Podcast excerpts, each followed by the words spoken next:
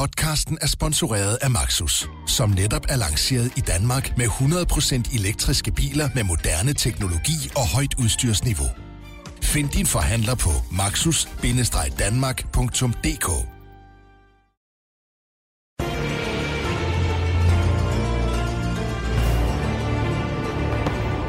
Den 21. december 1989. Hier ist das erste deutsche Fernsehen mit der Tagesschau.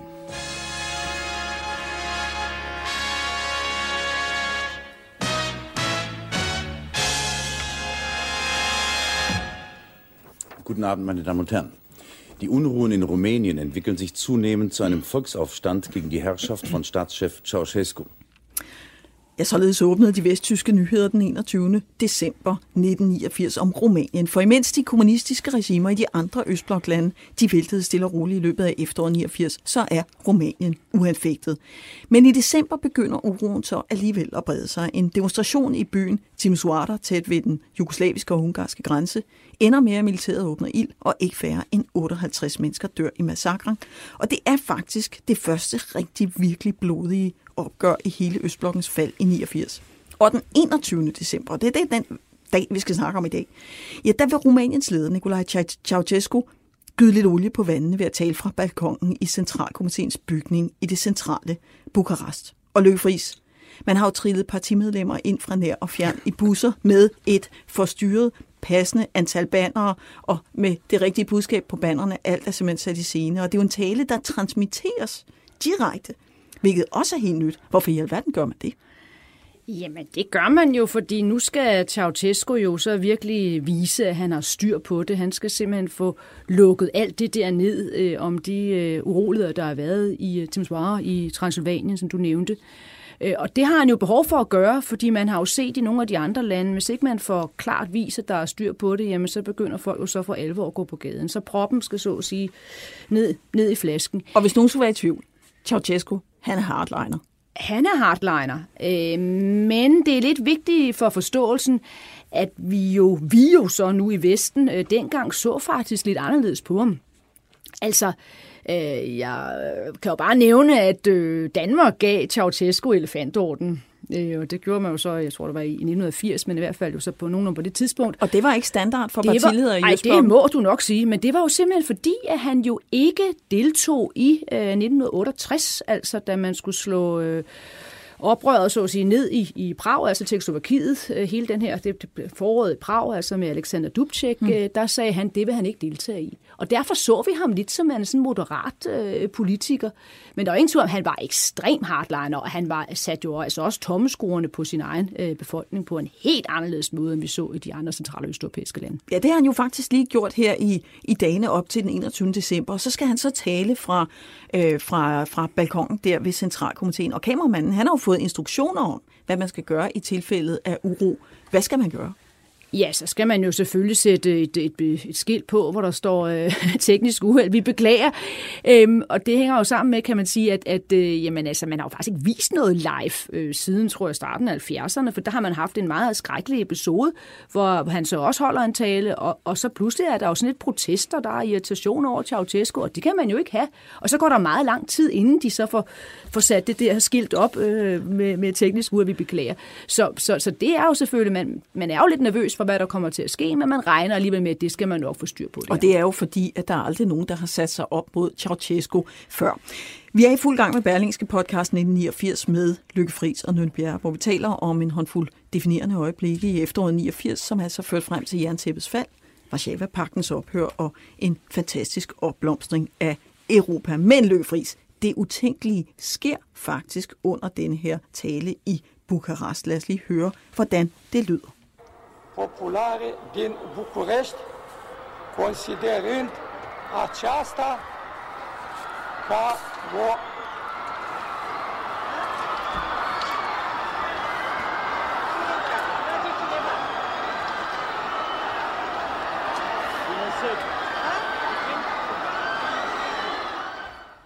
Ja, altså han står i gang med at takke arrangørerne for at arrangere den her fantastiske demonstration i Bukarest, og så så, så kommer der noget uro, og der er nogen, der snakker om, er, er det jordskælv? er der nogen, der skyder, hvad, hvad, hvad, hvad foregår der, og så kommer det her skilt på med, med, med teknisk øh, uheld. Men det, der jo sker, er, at billederne viser en rystet Ceausescu. Måske for, nogen, for første gang nogensinde. Og hvad kommer det til at betyde? Jamen, det krakalerer fuldstændig for ham. Og, og de billeder, øh, igen, man må gå ind og se det på YouTube, man kan jo se, at han er jo helt, helt, helt rystet. Han prøver sådan på at, at løfte hånden, og han kan dårligt sådan holde hånden op for at få, for dem til. De, han kan jo godt se dem, der står bag os, for det er jo rigtigt nok, at busserne er kommet ind, og de har de rigtige skilte, og billeder af ham, og billeder af konen, Elena og så videre. Men de er jo dem, der står bagerst, der begynder at råbe. Øh, der er også klipper, man kan høre, de råber jo så til Moswara, hvor, som han jo påstår. Han har jo lige talt, han har jo lige sagt, at det ikke har fundet sted i dag vel igen, men man siger, det var fake news. Øh, der har jo ikke været noget oprør. Der er ikke nogen, der er døde. Nej, nej, det er jo indblanding fra, fra, fra udlandet, vi, vi her oplever. Mm. Og der er jo ikke nogen, du sagde det meget fint før, der er jo ikke nogen, der har tur at sige den mand imod. Husk på, at vi lever i et land her, hvor den, øh, den største helligdag, det er ikke juleaften eller en eller anden, det er Ceausescus fødselsdag. Ja, altså, det er, det er jo så vildt, og du beskriver det, det også i din personkult. En personkult. Kan du ikke lige prøve at rise op, hvad, hvad den indbefatter? Altså, bare lige for at bringe os tilbage til Rumænien dengang. Jamen, det indbefatter, at alt drejer sig om, om Ceausescu. Der er også sådan en, en, en vidighed på det tidspunkt, som går på følgende måde, at man jo så, det lykkes Rumænien at få en mand i rummet. Og, og så sidder så Ceausescu så og kigger på de billeder, og så hænger han jo med hovedet nedad. Og hvad er det dog for noget? Og det konfronterer han jo så folk med og siger, hvorfor hænger han med hovedet nedad? Jamen, her præsident, det er jo tyngdeloven. Du skal ikke tage dig af loven, det er mig, der tager sig af loven. Det er jo ligesom om det regime, man, man, man har, at det er simpelthen ham, ham, ham. Plus at han jo så også jo, jeg har været det der store parlament, han jo så har, har fået bygget en af de største bygninger i hele verden. Ja, det tog mange, mange år at bygge det. Og så, så var sådan en guided rundtur, og så gik det var så selvfølgelig så mange år efter, så forklarede så, hvad hedder det, guiden, at trapperne, der var utallige mange mennesker, skal vi lige have med, som, som måtte forlade deres hjem, fordi han skulle have det der gigantiske palads. De var lavet sådan, så han kunne se meget majestætisk ud, for han er ikke særlig høj, når han så gik op ad den. Det passede lige til, var de der 1,68 eller hvad det Så var. det er nogle små trin? Fuldstændig, ja, ja. Det skulle simpelthen være, være det, der var der. Og så har han jo så fundet ud af, at det der med udlandsgælden, det er godt nok et problem, så den skal vi af med. Så det vil sige, det er jo en befolkning, der i den grad jo altså er, er decideret, er, der er hungersnød, den største mm. børnedødelighed, vi jo så har, den er jo så der. Vi har jo de her skrækkelige børnehjem, som måske også nogen har huske, man har set, set billeder, billeder fra. Ja, det kommer jo for en dag. Ja, det kommer for en dag siden. Ja, ja, og du kan heller ikke varme, gas kan du heller nærmest ikke bruge, så, så det er virkelig et, et regime. Jeg tror, Gorbachev siger noget af, at det svarer til en, en, altså en, en, en rytter, der virkelig piner sin hest, ja. øhm, for så at komme, komme ud over stæverne. Det er det, han siger om Rumænien, Gorbachev. Ja, ja. Og, og, og der har jo også været det her møde, for, da han jo så har været vært for, hvad hedder det, for, for Varsava-pakten, det er så i juli måned, hvor de har sådan det her topmøde, øh, alle de her ældre ledere, er de fleste jo så bortset lige fra en ungarske, der, der, ser, der ser ung ud, øh, og jeg også er, er ung, jamen der sidder han jo og opfordrer Gorbachev til, at nu skal der gribes ind med militær over for Polen og over for, for Ungarn, for han kan jo godt fornemme, at det her, det, det, det er ved lidt, lidt ved at skride, så derfor skal der virkelig øh, slås hårdt ned. Og vi har også i tidligere udsendelser talt om det her med den kinesiske løsning, altså alt det, der foregår på den himmelske ja. fredsplads lidt tidligere på sommeren, hvor man jo åbner ild og dræber demonstranter. Øh, og, og det har man jo fravalgt i DDR, for eksempel i Leipzig, som vi har talt om. Men i Timisoara, nogle dage inden han står på den her balkon, der gør man det jo. Ja. Det er den kinesiske løsning. Ja, og der skal vi jo også have med, at der sker nemlig det, som vi jo har talt om på gangen af udsendelse, at jamen, øhm, tør man, tør man ikke, selvom der er givet ordre. Så der sker jo det, at vi har en, øh, en præst, øh, Lars Lotokos, han kommer siden hen øvrigt i Europaparlamentet, men det, det er meget længere, længere nede, uh, down the line. Øh, han er præst.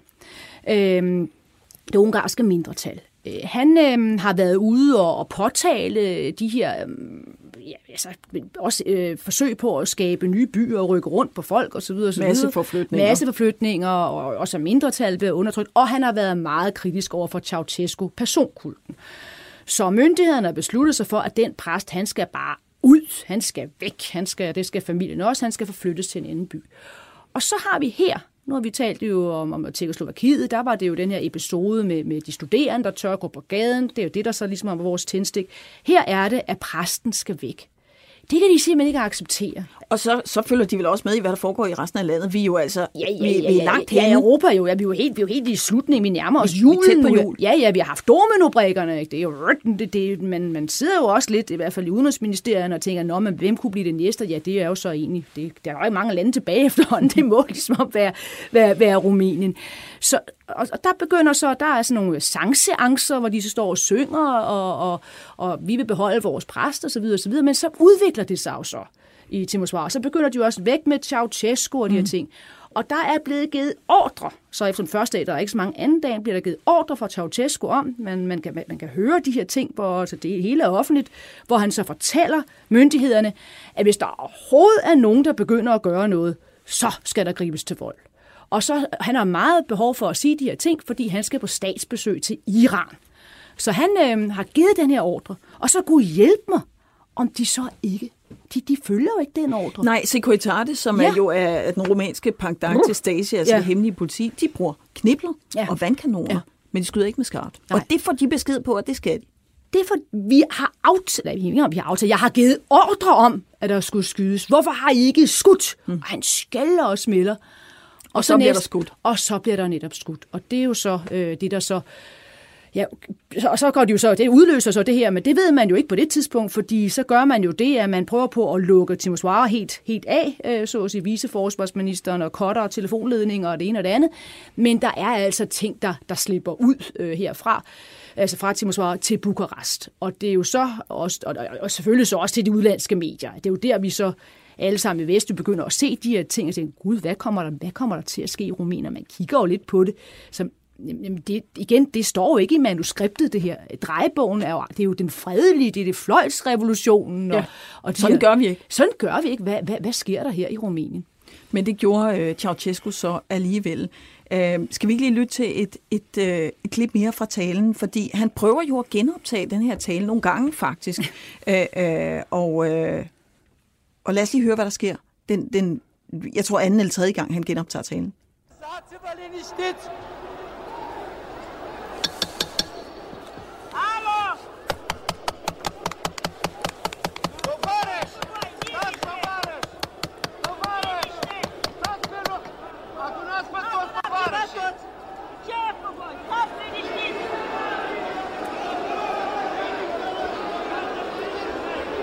Ja, der er simpelthen rent kaos, Lykke Friis. Altså, det, ja, altså, kammerater, sæt jer ned, øh, vær rolig, siger han. Øh, øh, ti stille, hvad er der i vejen mere? Han kan simpelthen ikke tro sine, sine egne øjne, og det gælder jo også hans kone Helena, Ja, der ja, står ved siden af, som vist også er lidt af en skrabdulle. Ja, hun får afbryde ham og gi- give dem noget, tilbyde dem noget, og Ja. så, hvad det så er, det må være noget med nogle penge, eller en anden, det, det, det virker ekstremt øh, desperat. man Men altså, situationen er simpelthen ude af kontrol, og som du siger, ånden er ude af flasken, og så må han afbryde, øh, så må han afbryde det, han troede skulle være hans, øh, han, han, hans hyldest timer, og du har lige beskrevet, hvordan den personkult omkring ham er.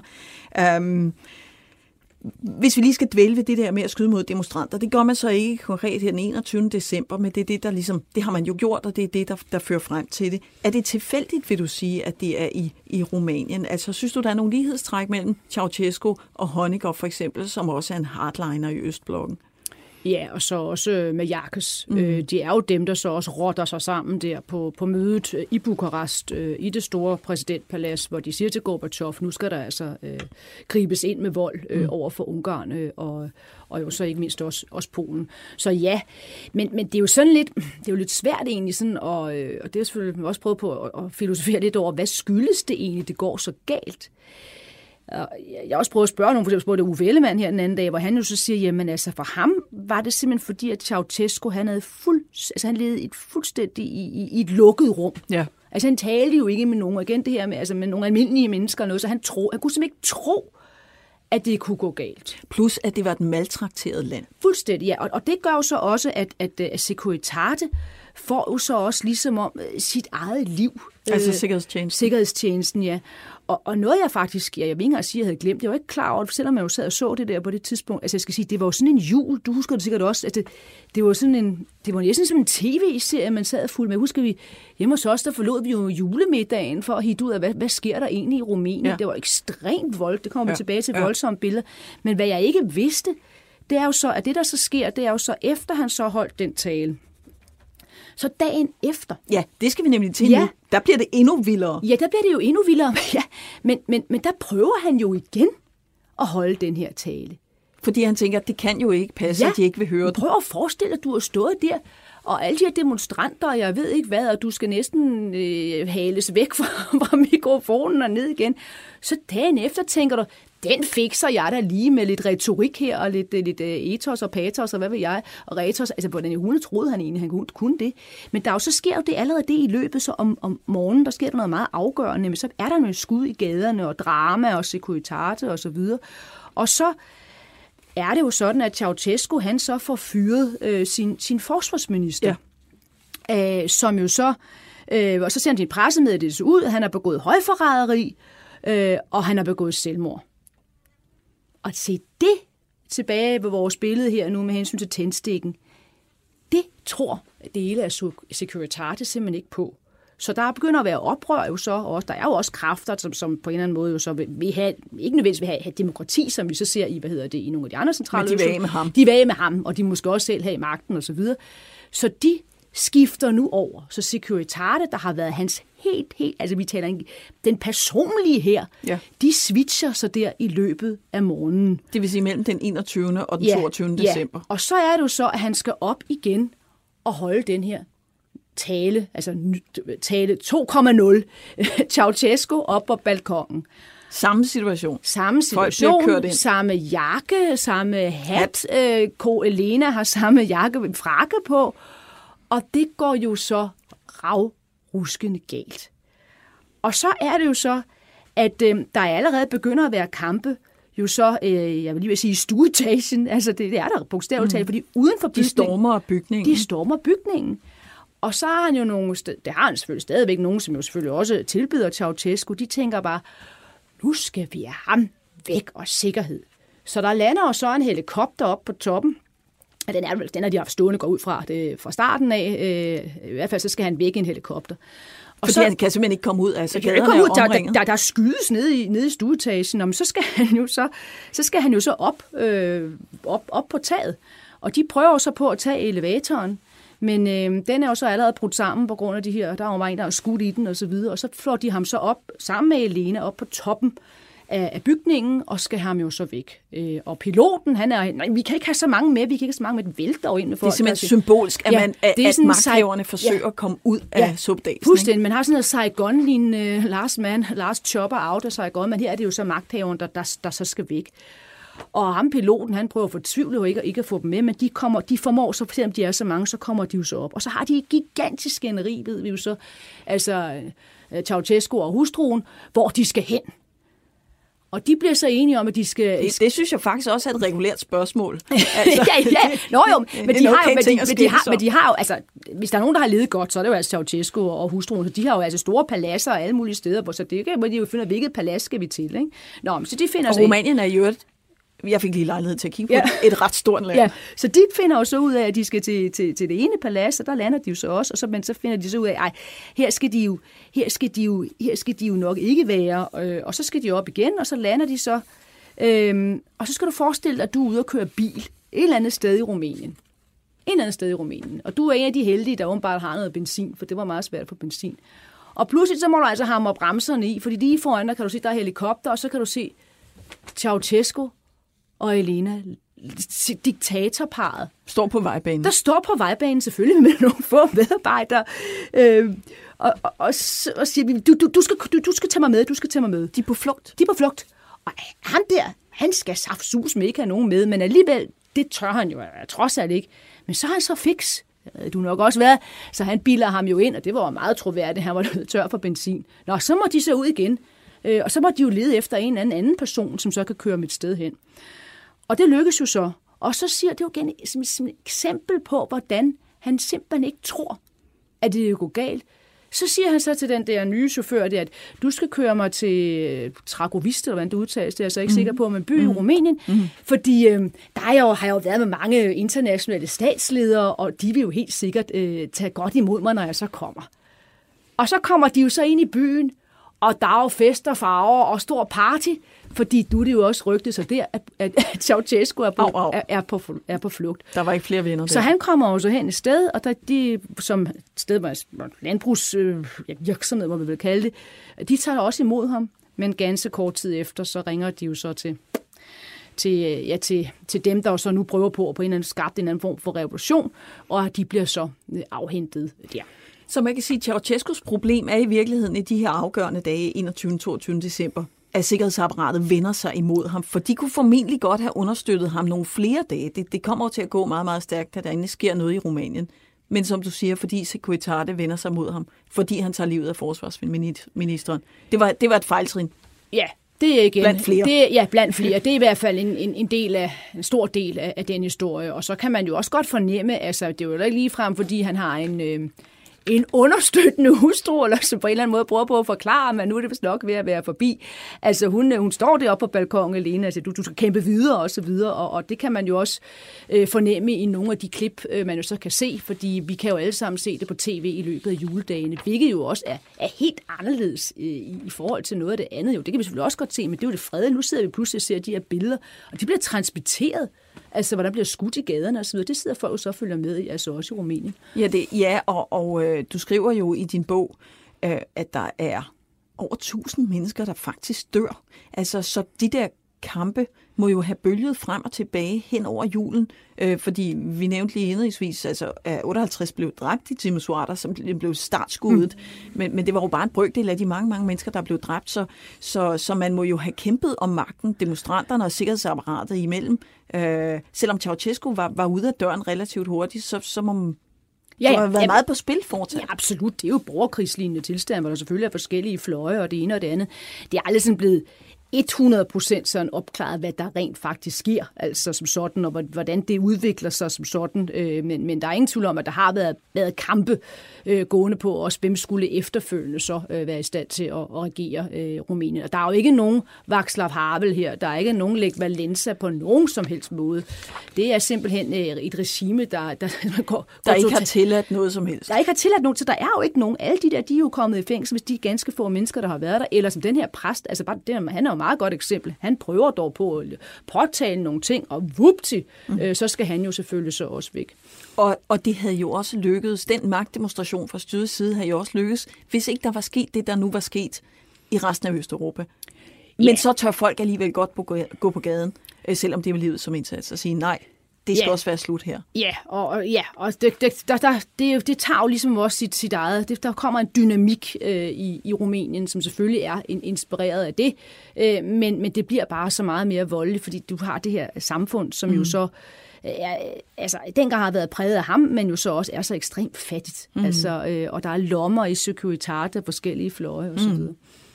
Vi er ikke helt færdige med historien, fordi det, der jo kommer til at ske med, med Ceausescu, det er, at øh, han bliver arresteret, som du siger. Øh, hans tilholdssted, Takoviste, bliver afsløret, og han bliver anholdt, og der bliver indledt det, man vist roligt kan kalde en retssag i anførselstegn. Altså, hvad er det, der foregår der i juledagene? Fordi det er, øh, det er den 25. december, der bliver indledt en retssag mod ham, altså få dage efter, han er blevet arresteret. Hvad er det for et system, der går i gang der? Hvad er det, der foregår?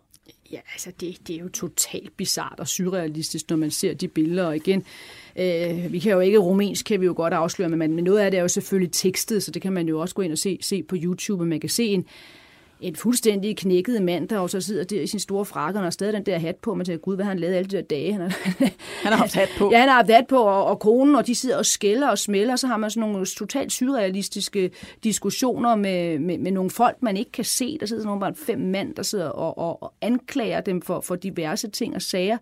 Øh, han har en forsvarsadvokat, som egentlig, ja, det må være i citationstegn, fordi altså, han, han sidder egentlig mere og, og, og taler med de andre, eller forsvarer, for, øh, går, går, med, går med de andre, forsvarer i hvert fald ikke, øh, forsvarer i hvert fald ikke Ceausescu på nogen som helst måde. Og så er der sådan nogle, øh, sådan nogle diskussioner, hvor, hvor, hvor han jo så siger Ceausescu, når han bliver beskyldt for nogle ting, du har jo, du har jo hvad hedder det, øh, hele din nation.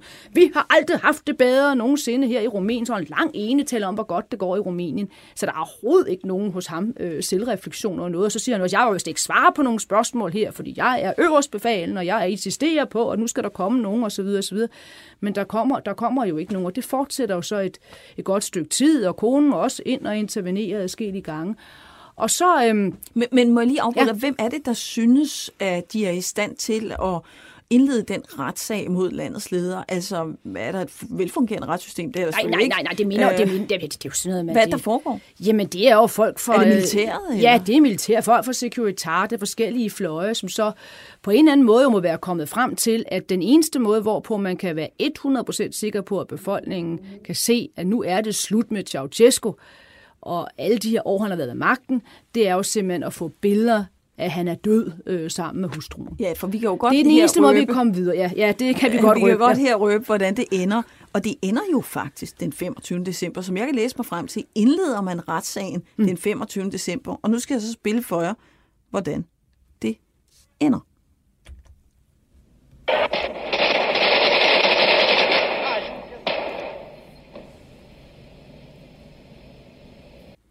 Ja, Lykke Friis, det kan man nemlig også finde øh, på nettet, for alle de her billeder, de kommer ud. De bliver simpelthen, om jeg så må sige, taget ud bag ved laden og skudt. Ja. Den dag. Den dag, hvor retssagen mod dem er indledt. Ja, men det, det, er helt, det, det går simpelthen øh, så, så hurtigt, og det er jo ekstremt brutalt øh, at være vidne til. Øh, og, man, og man kan jo sige, der sker jo også det lige inden så, at, han, øh, at de bliver skudt. Det kan man så ikke se. Øh, jeg kan ikke huske, at jeg har set det. Nogle gange pas på, hvad man kan huske, hvad man har set, og hvad man har læst. Men jamen, det, det er så malende beskrevet øh, af nogle af dem, der så var til stede, at de siger jo så, at lige inden, ja, der begynder så Ceausescu at synge internationalen. Så han er overbevist til det sidste? Til det sidste. Og så siger Elena bare til ham, hold op med det der, de kommer til at skyde os som hunde. Og det sker jo så også, kan man så sige. Det sker simpelthen. Altså, det er ja. militærfolk. Ja. Det, det er en, en Ja, vi ser så ikke selve, vi ser jo trods alt ikke, det, det, det, det, vi kan høre skuden, øh, og så er det jo så, at vi skal have de der billeder, der må jeg om, der, der tænker jeg, husker den der første juleaften, der, øh, ja. første juledag, undskyld, ja. og man så, puh, her det her med, de vender dem jo om. Ja, øh, de for... løber simpelthen hen med kameraer, ja. og så er der de her to sammensunkede lig, ja de, der før var så frygtindgydende ja. mennesker, vi kan roligt ja. tage Elena med, der, ja. hans kone, for det var hun vist, ja. øh, de er jo helt sammensunket, og så vender man dem om. Og de der billeder af den døde Ceausescu, de kommer simpelthen ud til befolkningen. Ja. Han er væk. Ja, han er væk, og så kan vi på en eller anden måde så, øh, om ikke starte forfra, men så starte på, på noget nyt. Øh, og det må jo så have været sådan, det må også have været ekstremt afgørende for dem at vise de der billeder, fordi hvorfor i hulene øh, gør man det ellers? Og det der bare for at give dig et eksempel på, hvor, hvor forhat han jo så også var, Ceausescu, så gjorde det så for jeg kan ikke huske, hvor mange år det siden, måske 10 års penge siden. Jeg har en eller anden åbenbart en mani med at besøge, besøge kirkegård, så jeg var så ude og, og se Ceausescus grav. Og så spørger jeg så, øhm, hvad hedder sådan en, der man, man, man spørger på en kirkegård, ja. en, en graver, nej, hvad hedder sådan en? Jo. Ja, det er ja. godt. Ja. Så spørger jeg, ja, jamen, hvor, hvor, hvor, hvor, ligger, hvor ligger Ceausescu? Og så kommer vi ved, vi var stadig der. Øhm, han kommer med sådan en lille hund, kan jeg huske. Øh, vi kan være, vi kommer tilbage til noget med nogle hunde. Nå, men så kommer det kan vi lave en separat podcast Ja, det, ja, det kan vi da. Så kommer vi frem til, til, hvor han så ligger. Og så spørger jeg simpelthen, hov, der står jo kun Nikolaj Ceausescu. Hvor, hvor er Elena henne? Og så peger han så bare, der skal du forestille dig sådan en lille, sådan en lille går så en lille sti, så ligger hun jo så oven på den anden side af stien. Og siger, hvorfor ligger hun derovre for sig selv? Og så svarer han jo så bare, jamen, det er jo fordi, de begik så mange uhyrligheder og grusomheder, øh, mens de var i live. Vi var nødt til at splitte dem ad øh, mm. deroppe, så at sige, altså øh, efter, efter de var døde. Altså, det, så der må åbenbart have været et ekstremt behov for så ja. at vise, at nu var det altså, nu var det slut. Ja, fordi det er, altså vi har jo en tidligere udsendelse talt om fløjtsrevolutionen i Tjekkoslovakiet, og den ekstreme kontrast, og på en eller anden måde også den der alvor, der så kommer i december måned, da man bevæger sig ind i den aller sidste revolution, som virkelig bliver en revolution, og som bliver meget, øh, meget brutal. Men vi har været lidt rundt om det, men altså, kan det også have noget at gøre med, at, at han har drevet, kørt landet så hårdt, altså at det er så udpint, at der er, som du selv siger, hungersnød i virkeligheden, eller noget, der ligner. Ja, der er børnedødelighed, der er ekstremt høj i, øh, i, i Rumænien. Øh, kan man i hvert fald læse, læse til. Jo, det spiller der helt sikkert også en rolle. Og jeg tror, da vi ser de der billeder i slutningen af, af 1989 jule, de her juledage der, der tror jeg, de fleste nok har haft den øh, fornemmelse, som, som jeg i hvert fald også havde.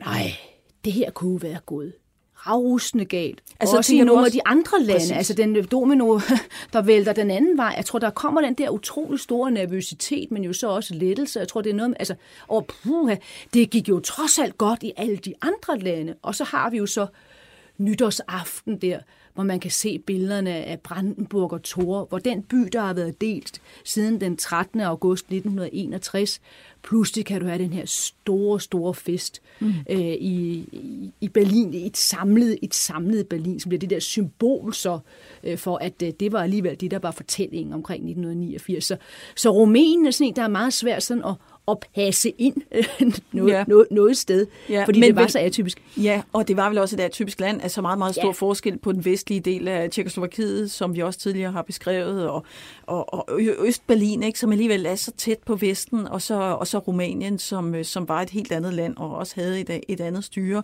Men, men det, ved du om der efterfølgende har været refleksioner i Rumænien om brutaliteten i det her opgør, altså og, og, om, og også om visligheden i det her summariske retsopgør. Han kommer ind, han får sagt et par ord, og så bliver han bare skudt. Jo, jo, der har jo så også været folk, der har været involveret i det. Altså igen, jeg er ikke øh, 100% rumænsk-ekspert, skal jeg, klar, skal jeg sige, men altså Iliescu, der jo så bliver præsident, han har jo så også haft har forbindelser også til Ceausescu før, og så videre, og så videre, og så også noget under det her. Så der er alle mulige diskussioner også om, hvem gjorde hvad og hvorfor.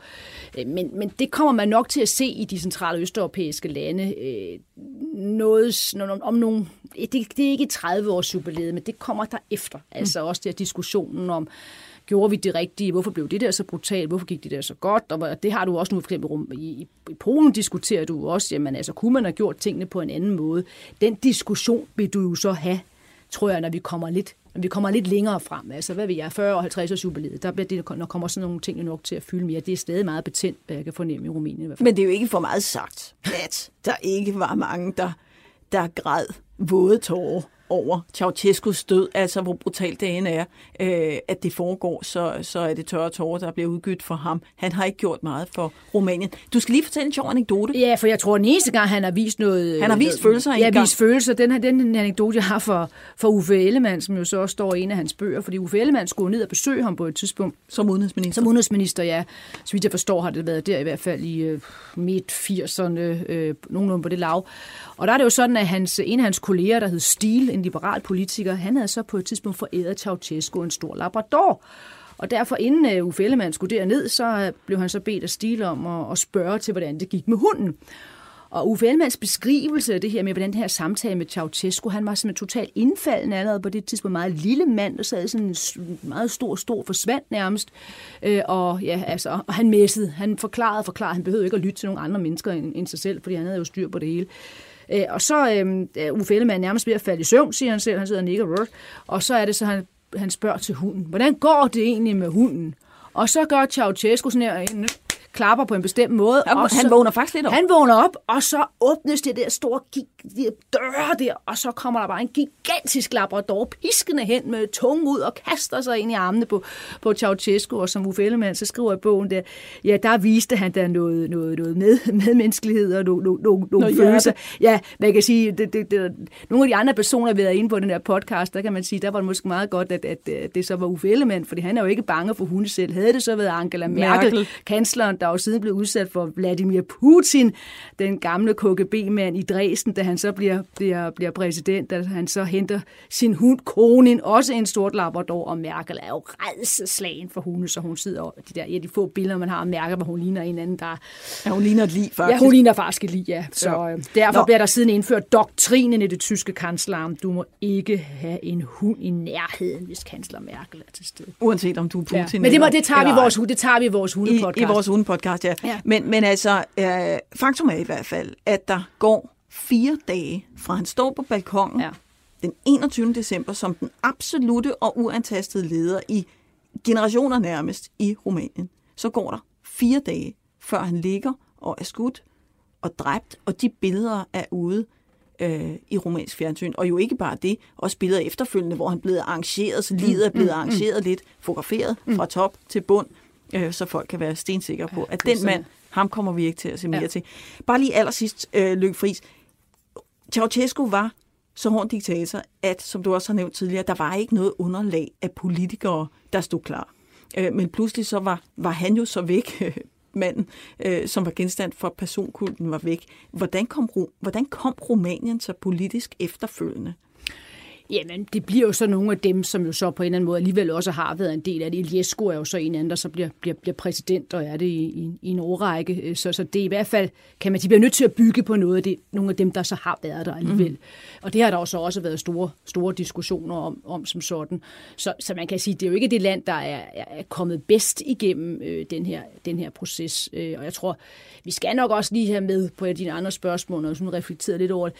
Altså, hvorfor det så også går så galt. Det hænger vel også sammen med på det tidspunkt, at Sovjetunionen, de er jo også totalt, altså de har jo også trukket sig fra alle de her diskussioner, om de har jo, om nu er det jo ligesom ramlet, så der, vi har jo ikke nogen generaler, der på en eller anden måde måske også prøver på at, at appellere til, nu skal det være ro på, og nogen man kan ringe til, som vi har haft nogle af vores andre podcasts, hvor der har været forskellige episoder. Altså, de er jo ligesom også fuldstændig alene hjemme, ja. øh, og så bliver der bare totalt kaos i gaderne øh, i den periode. Så det kommer til at gå ret meget agurk i Rumænien. Det må man sige, der kunne ikke engang, altså Tjekkoslovakiet, hastigheden, det går endnu hurtigere her, end det rent faktisk gjorde i fløjtsrevolutionen.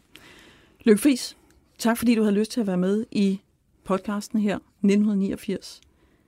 Vi har jo forsøgt igennem fem udsendelser og fem vigtige datoer, fem fantastiske begivenheder og fortælle historien om jerntæppets fald i efteråret 1989. Lykke Friis, tak fordi du havde lyst til at være med, og tak fordi Selv tak. I derude havde lyst til at lytte med.